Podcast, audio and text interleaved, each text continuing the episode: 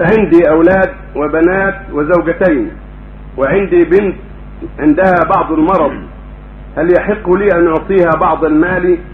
وهل يجوز ذلك؟ أرجو إفادتي. جزاكم الله خيرا. البنت المريضة تعالجها تعالجها وتنفق عليها ما دامت فقيرة ومحتاجة. ولكن لا تخصها بشيء دون أخواتها.